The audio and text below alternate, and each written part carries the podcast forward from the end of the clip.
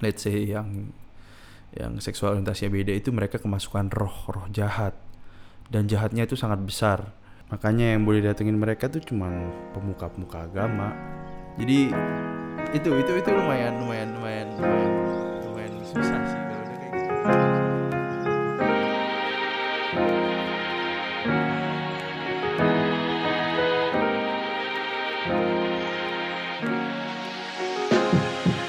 Hi everyone, welcome back to Past Cup Pada suatu ketika Season 1 Episode 27 Nah, bagi yang pertama kali hadir di sini Gue mau ngucapin welcome. Di sini lu bakal dengerin cerita-cerita yang Super nggak penting dari gue eh, Dan gue bakal kasih opini terhadap cerita tersebut. Well, meskipun akhir-akhir ini gue ngasih opini Dan gue kasih cerita-cerita yang mendukung. Rada kebalik akhir-akhir ini But, well Uh, lu pada di sini semuanya welcome. And gue cuma mau nanya lu pada udah food belum? Eh, kalau di podcast lain kebanyakan ngomongin tentang udah food belum? tentang politik tentang nomor satu nomor dua. Ah. Gue kan dari awal emang nggak mau pingin ngomong tentang politik di podcast gue kan makanya podcast gue kali ini rada nyeleneh gue lagi pingin banget ngomong tentang LGBTQ community gitu. Gue pingin kayak send a message aja sebenarnya sih. Gue sebenarnya dapat ilham untuk ngomong tentang hal ini itu karena di grup kita asik di grup apaan di actually di IG-nya PSK Podcast banyak yang request tentang LGBTQ gitu kan dan tanggapan gue tentang LGBTQ sendiri gimana? Pandangan gue terhadap like uh, this community gitu. Hal ini terjadi juga karena waktu itu di Brunei Darussalam uh, few weeks ago itu tuh ngesahin peraturan di mana waktu seksual seksual orientasi lu tuh berbeda dari orang-orang yang mereka anggap normal in which like straight people ya yang dimaksudkan orang-orang yang berbeda ini adalah uh, lesbian and gay mereka bisa dilemparin batu sampai mati di tempat umum jadi karena hal itu mungkin banyak yang kepikiran tentang hak-hak uh, LGBT community gitu kan. Kalau pada nggak tahu LGBTQ itu adalah lesbian, gay, bisexual, transseksual, and queer. Ini gua gua, gua kasih pandangan gue aja gitu dan I totally understand. Some of you mungkin kayak, oke, kak gue nggak setuju nih tentang hal ini dikarenakan di agama gue itu tuh gini gini gini gini. That's totally fine. Gue cuman mau kasih sebuah pa- pandangan yang dari gue sendiri gitu loh. Karena gue I've been against it dan sekarang gue eh, pro gitu. Yang gue ngerasa kayak gue mereka tuh butuh hak yang di yang harusnya diperjuangkan gitu loh. Mungkin ini ini ini gue ngomong ini daripada lu pada ngejudge gue sekarang terus kayak eh kok gue dengerin pendapat orang straight sih mengenai LGBT gini? Kenapa gue dengar pembelaan dari orang yang straight gitu. Well I mean apakah gue harus eh, seksual orientasi gue harus sama dengan mereka untuk gue support mereka nggak juga gitu kan ya. Eh, gue bisa gue straight dan gue ngedukung mereka juga kan. So ya pada suatu ketika pada suatu ketika gue waktu itu masih kecil banget gue masih bener-bener polos. Eh, gue suka nanya orangnya anaknya emang banyak nanya dari kecil dan gue tanya ke nyokap gue gitu waktu itu kenapa sih orang itu bisa jadi gay? gitu. Apakah ini sang pencipta yang bikin orang-orang kayak gini. Jawaban nyokap gue simpel banget. Orang-orang gay ini karena mereka waktu kecil suka dipukulin. Mungkin misalkan kalau cowok mereka itu dipukulin sama papanya. Makanya dia benci banget tuh sama papanya. Makanya dia bisa jadi gay. Atau mungkin eh, dia dimoles waktu kecil. Eh, makanya dia jadi gay. Jadi alasannya tuh karena itu ya mah karena mereka itu sebenarnya ada kejadian besar di hidup mereka ada sebuah trauma yang bikin mereka seksual orientasinya berbeda. Dan nyokap gue mengiyakan hal itu gitu. Eh, dan gue yakin 100% kenapa orang nyokap gue berpikir seperti itu. Itu karena nyokap gue jujur aja nyokap gue tuh paling percaya sama omongan-omongan pemuka agama. Selain dari grup WhatsApp keluarga yang isinya hoak doang, nyokap gue lumayan percaya sama apa yang dikatakan pemuka agama. Dan yang gue ngerasa ya, pemuka agama pun tuh mereka banyak yang misinform banget gitu loh. Gue nggak ngerti apakah mereka beneran misinform atau mereka purposely bikin infonya salah biar kayak the society taunya oh iya ya orang gay itu terjadi karena past events gitu. Jadi kita eh, somehow nganggep orang-orang yang seksual orientasi beda gini, transgender, queer, uh, bisexual segala macam ya semuanya itu itu tuh karena sama dengan kriminal gitu loh itu karena pas event bukan biologically factor mereka terlahir terus ya mereka berbeda gitu yang yang yang tadi gue bilang gitu kan seksual orientasinya beda atau mereka mungkin kayak mereka lahir di tubuh cowok tapi bikin jadi cewek atau ya mereka masih queer gitu questioning gitu. Jadi ini ngebuat perspektif dari masyarakat tuh ngelihat seksual orientasi itu sebenarnya ada sebuah pilihan gitu loh bukan karena mereka tuh terakhir dengan situasi yang uh, berbeda dari kita semua gitu loh mereka nih orang-orang gila, orang-orang gini. Oke, okay, let's say if you believe that they are crazy, I thought like the job for you guys as a really dalam tanda kutip religious people harusnya lu pada hak mereka show the love and gue nggak tahu kalau lu pada ngerasa lu pada ini choice dan lu pada bisa ngerubah mereka ya kenapa nggak lu malah kasih uh, pelukan gitu kan ke mereka kan instead of ngata-ngatain mereka dan avoid them gitu loh. Yang menurut gue salah adalah cerita gue nggak cuma sampai situ. Gue waktu kecil banyak sekali kayak informasi yang gue dapat itu bahwa seksual orientasi seseorang itu influenced by other people. Jadi if you let's say kalau lu cowok lu main sama cowok-cowok yang gay lu bisa jadi ikut-ikutan gay gitu. Jadi banyak banget uh, banyak banget yang orang-orang yang dalam tanda kutip religius ini mereka tuh jadi takut sendiri gitu loh. Jadi avoid orang-orang yang di komunitas LGBTQ ini gitu jadi bingung kan lu kan kayak harusnya kan orang-orang yang dalam tanda kutip religius ini harusnya mereka yang ngerangkul dong kalau mereka emang percaya kalau mereka emang percaya kayak oh ya ini mereka nih uh, mereka nih jalan yang salah nih gue harus selamatin. Tapi mereka malah avoid komunitas ini. Gue jadi bingung kan jadi ya kan. Oke okay, uh, eh, ada emang yang yang yang bawa ini lebih ke arah ekstrim ya. Biasanya kalau yang lebih bawa bawa ini ke arah ekstrim itu biasanya orang-orang yang let's say yang yang seksual orientasinya beda itu mereka kemasukan roh roh jahat. Dan jahatnya itu sangat besar makanya yang boleh datengin mereka tuh cuman pemuka-pemuka agama. Jadi itu itu itu lumayan lumayan lumayan lumayan lumayan susah sih. Kalau udah kayak gitu tuh susah banget gitu. Sebenarnya gue gue dari dulu ada pertanyaan gitu loh buat buat those people yang emang percaya bahwa uh, the creator buat manusia. Soalnya semua agama pasti percaya there is this one entity this power this thing this individual he she or it we don't know ada ada sesuatu yang besar di luar sana ngebuat manusia gitu. Dan waktu mereka sendiri ngebuat waktu ini ini ini kekuatan ngebuat manusia dia tuh udah tahu dia udah dia udah desain manusia se begitu besarnya. Dan semua hampir semua religion believe in afterlife kan? If you do good things lu bakal masuk ke heaven. Kalau nggak lu masuk hell. Sesimpel itu tapi yang jadi gua pertanyaan gue adalah kenapa mereka ciptain uh, orang yang orang-orang religious ini anggap mentally disabled mentally ill yang gua rada nggak setuju tapi ya udah nggak apa-apa gue ikutin gamenya orang-orang religious people ini deh. Jadi uh, kenapa the creator create like this uh, individual yang mereka anggap mentally ill ini berbeda seksual orientasinya dan mereka nggak bisa masuk heaven gitu. Ngerti gak sih maksud gue?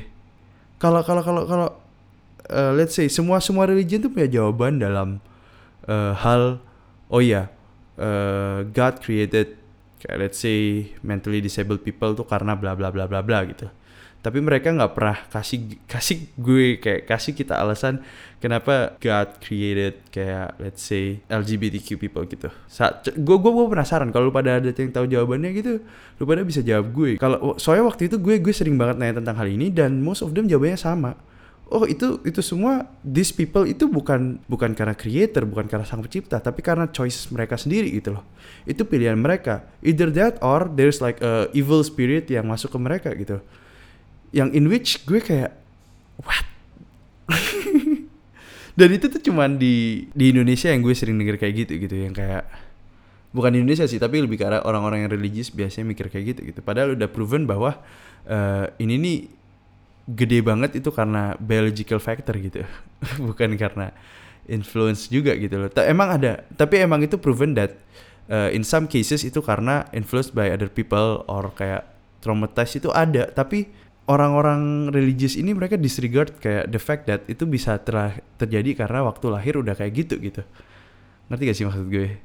Segitu takutnya mereka bahwa untuk mereka admit kalau their creator created ya orang-orang ini. Mereka tuh takut banget untuk admit hal ini. Makanya mereka anggap ini aja kayak kriminal aja. It's by your choice lu pilih jalan kayak gini. God never created like like let's say like, like gay people gitu. Sedih ya. Sedih sih.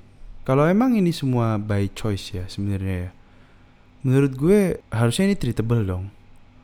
And yes banyak banget kayak gay conversion therapy yang oh iya kita udah berhasil ngerubah ini bla bla bla bla bla. Tapi coba lu lihat deh banyak banget dokumentasinya di YouTube di di ya biasa di YouTube sih dokumentasi ya. Uh, banyak banget dokumentasi yang menunjukkan bahwa sebenarnya conversion terapi ini nggak nggak melakukan apa-apa gitu loh. Yang ada mereka malah sangat abusive gitu loh. Ada satu dokumentasi yang gue lihat itu tuh kalau nggak salah Business Insider ya gue liatnya ya. Itu jadi ada orangnya dia tuh undercover terus apparently di situ tuh mereka coba brainwash semua cewek di situ biar nggak jadi lesbian kan Uh, terus ada cewek yang kayak seorang cewek tuh di arouse gitu terus tiba-tiba kalau misalkan ceweknya di turn on terus di setrum gitu. Jadi kayak ini abusive banget ini gila ya deh. Dan apparently orang-orang di daerah South America waktu itu gue lupa specifically which country uh, orang tuanya tetap udah tahu tetap dilanjutin gitu loh. Karena daripada uh, gue harus ngeliat nama baik keluarga gue tercemar mending gue ngebuat orang yang gue cintain ini which is anak mereka suffer. And that's so fucking sad. Karena lu sangat insecure dengan apa yang orang lain pikirin tentang lu lu harus sacrifice your love gitu loh. Kayak menurut gue man lu se insecure itu apa? As a parent sampai lu bener-bener kayak dengerin semua pendapat orang lain lu takut banget image lu hancur gitu. Ini anak lu loh yang lu bakal yang lu taruh di conversion therapy ini. Uh, some of them bilang ini demi kebaikan mereka karena mereka believe in in afterlife they can go to hell gitu. ya repotnya di situ emang. Because they believe in you know in their religion that these people will be punished in the end gitu kan dengan waktu mereka mati mereka bakal masuk hell. So it's kinda sad but what can I say gitu kan ya. To be completely honest gue ada satu kejadian yang bikin gue uh, ngerubah apa yang gue pikirin. Dan gue ngerasa itu jadi turning point gue dalam gue ngeliat LGBTQ sendiri. Itu tuh waktu gue sebenarnya lagi road trip bareng temen gue. Jadi gue inget banget itu 2015 gue mau jalan-jalan ke LA gue dari SF uh, itu kayak sekitar 5 jam road trip gue sama temen gue. Terus ada tiga temen gue lainnya yang di belakang yang ya lu ngerti lah di belakang tidur dan gue nemenin temen gue nyetir gitu kan. Itu tuh 2015 kalau lu inget gay marriage baru dilegalin di Amerika. Dan gue penasaran gitu apa pendapat teman gue tentang hal itu. Soalnya temen gue ini orangnya dia lumayan apa ya gue bisa bilang dia lumayan tertarik dengan politik. Karena dia sendiri sebenarnya cita-citanya jadi lawyer dan pilot jadi gue kadang bingung. Dan sekarang dia ngambil jurusan bisnis bingung kan lu kan? Uh, tapi ya gue gue pengen dengar dari dia gitu pendapat dia tentang kasus ini. Dan ternyata dia bilang ke gue menurut dia tuh gini kalau dimisalkan di adatku in my opinion aku sih nggak bisa terima. Kenapa? Karena aku dari kecil udah dibesarin di adat yang uh, seks itu supposed to be men and women gitu. Jadi dia bilang gue kayak dia nggak terbiasa dengan hal ini, dia nggak terbiasa dengan uh, namanya uh, dua orang cowok atau dua orang cewek having sex gitu. Jadi di situ gue shock, soalnya dia liberal kan. Terus gue kayak, eh what? Tapi dia bilang kayak gini kayak, oke okay, meskipun gue nggak percaya tentang seksnya sendiri, gue tetap percaya bahwa haknya harusnya tetap ada. Ini hak antara dua orang yang pingin tinggal satu satu kartu keluarga, pingin punya satu rekening, haknya harus dikasih. perkara dia mau seks seksnya gaya apa pun dan itu sama-sama cowok dan cowok atau cewek dan cewek ya itu urusan mereka itu I don't give a shit yang gue fokusin adalah gue tetap mau kasih gue setuju dengan adanya hak yang kita kasih ke mereka untuk mereka bisa tinggal bareng. Di situ gue mikir dong kayak damn that's actually so fucking true. Kayak kita tuh selalu berhubungan dengan yang namanya oke okay, kalau lu setuju dengan peraturan ini berarti you're one of them. Berarti lu mau hal ini morally accepted. And should be morally accepted kan ya? Padahal lu bisa kasih orang-orang ya kayak LGBTQ community ini sebuah kebebasan sebuah hak yang bisa mereka dapetin tanpa lu harus setuju dengan apa yang mereka lakuin. Contoh contoh uh, kayak misal gue hmm, agama gue A agama orang lain B. Menurut gue gue harus kasih hak buat agama B ini hak untuk mereka memeluk agamanya untuk merayakan agamanya misal. Tapi bukan berarti gue memegang agama B. Sama halnya dengan menurut gue LGBT community ini. Lu lu boleh gitu. Uh, lu boleh nggak setuju tuh sangat boleh. Tapi menurut gue hak mereka yang mereka bisa diterima di masyarakat itu hak mereka misal untuk nikah dan segala macem untuk mereka bisa keluar ke publik di tempat umum dengan tidak ada rasa takut. Itu gue menurut gue harus tetap ada harus dikasih ke mereka. Tapi emang susahnya di Indonesia adalah oke okay, uh, eh, sebelum gue lanjut lagi gue gue kasih tau dulu di Indonesia tuh ini hal nggak mungkin jadi emang susahnya di situ karena kenapa? Di Indonesia sendiri kan uh, sistemnya kita menganut berdasarkan agama dan semua hampir semua agama itu menolak ya LGBT LGBTQ sendiri. Jadi emang rada mustahil kalau di Indonesia tiba-tiba disahkan. Gak cuman itu, politikus juga takut kan para para legislatif itu takut kalau mau ngesahin ini men. Kayak ila itu uh, itu orang sesat tuh pemimpin kita sesat. Kita nggak boleh punya pemimpin kayak dia. Nah, kalau kayak gitu kan repot kan ya pasti dong politisi-politisi gitu pada takut untuk ngesain hal ini dan ketiga ya kan lu tahu sendiri yang tadi gue udah berulang kali ngomongin gay itu menular loh. Ya susah ya. Soalnya emang di Indonesia tuh kayak jangan suka ngomong sama orang gila ntar lu ikut-ikutan gila. Jadi kayak dulu gue gue inget banget gue pernah gue tuh suka banget ngobrol sama anak kecil kan. And uh, gue tuh kayak ngerasa kasihan banget kalau gue ngeliat orang-orang yang kayak less fortunate than us less fortunate dalam pengertian mereka kayak misal disabled gitu. Gue biasanya main sama mereka kayak gue waktu itu pernah main sama anak autis terus kayak gue dimarahin sama bunyok gue kayak ngapain lu waste kayak wasting your time gitu. Terus kayak gue anjing what the fuck? Dan apparently orang-orang di sekitar gue juga ngeliatin gue gitu ngapain sih lu uh, habisin waktu lu main-main sama orang-orang yang kayak Down syndrome ini? Kayak the fuck? Emang kalau mereka terakhir rendah syndrome mereka nggak boleh gue temenin kan? Nggak juga kan? Mereka happy tuh gue main bareng sama gue gue nggak ngerendahin mereka.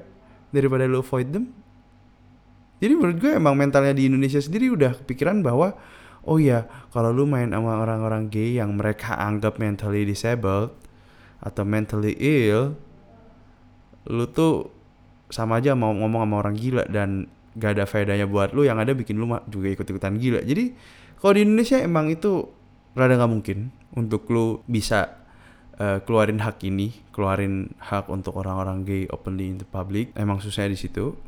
Tapi moga-moga setelah lu denger podcast gue, lu mungkin jadi perspektif lu jadi lebih kebuka lah ya. Hopefully, uh, meskipun ini nggak bisa applicable di Indonesia, kayak nggak mungkin di Indonesia yang tadi begitu banyak alasan yang membuat hak-hak mereka untuk hidup tenang itu sangat susah karena situasi di Indonesia sendiri sangat uh, berbeda dengan Amerika yang udah ngesahin ini segala macam uh, tapi gue pingin lu ngerubah kayak kayak, kayak dapet perspektif baru aja beneran dapet pola pola pikir baru pandangan baru. Jangan uh, mempertanyakan agama yang lu percaya nggak apa-apa kok lu lu pegang agama yang lu percayain sekarang. Uh, terus habis tiba-tiba habis lu denger podcast gue ah bener juga ya. Eh apakah yang aku pegang ini selama ini salah? Oh tidak tidak tidak tidak. Nggak nggak nggak. Gue nggak maksud gue gue nggak ada tujuan buat ngelakuin hal itu. Uh, yang mau gue tujuan gue di podcast ini tuh cuman mau mengingatkan saja. Kayak eh uh, lu boleh kok berbeda pendapat. Beneran boleh. Tapi lu juga boleh at the same time berbeda pendapat dan uh, ngasih orang lain hak hidupnya. Hak untuk mereka ngerasa aman. Hak untuk mereka punya pandangan hidup lain. Uh, so ya.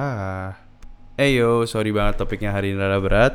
Thank you banget udah dengerin season episode 27 sampai akhir. Gue jadi tadi ngejelasin tanggapan gue terhadap LGBT community uh, tanpa gue actually respon ya ke berita yang uh, Brunei Darussalam gitu.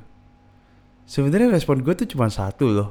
Kayak men mereka ada hak asasi manusia untuk hidup dan seriously ini nggak nggak ngefek ke lu kok kalau misalkan mereka turns out kayak oh ya gue gay. Oh tidak mereka gay. Orang itu gay. Terus terus gimana cok nggak ada efeknya ke lu anjing. Toh juga orang-orang gay nggak bakal gangguin lu juga kayak kayak ya udah seksual orientasinya beda. Mau gimana lagi kan ya? Tapi lu malah pilih ngelemparin mereka batu kan?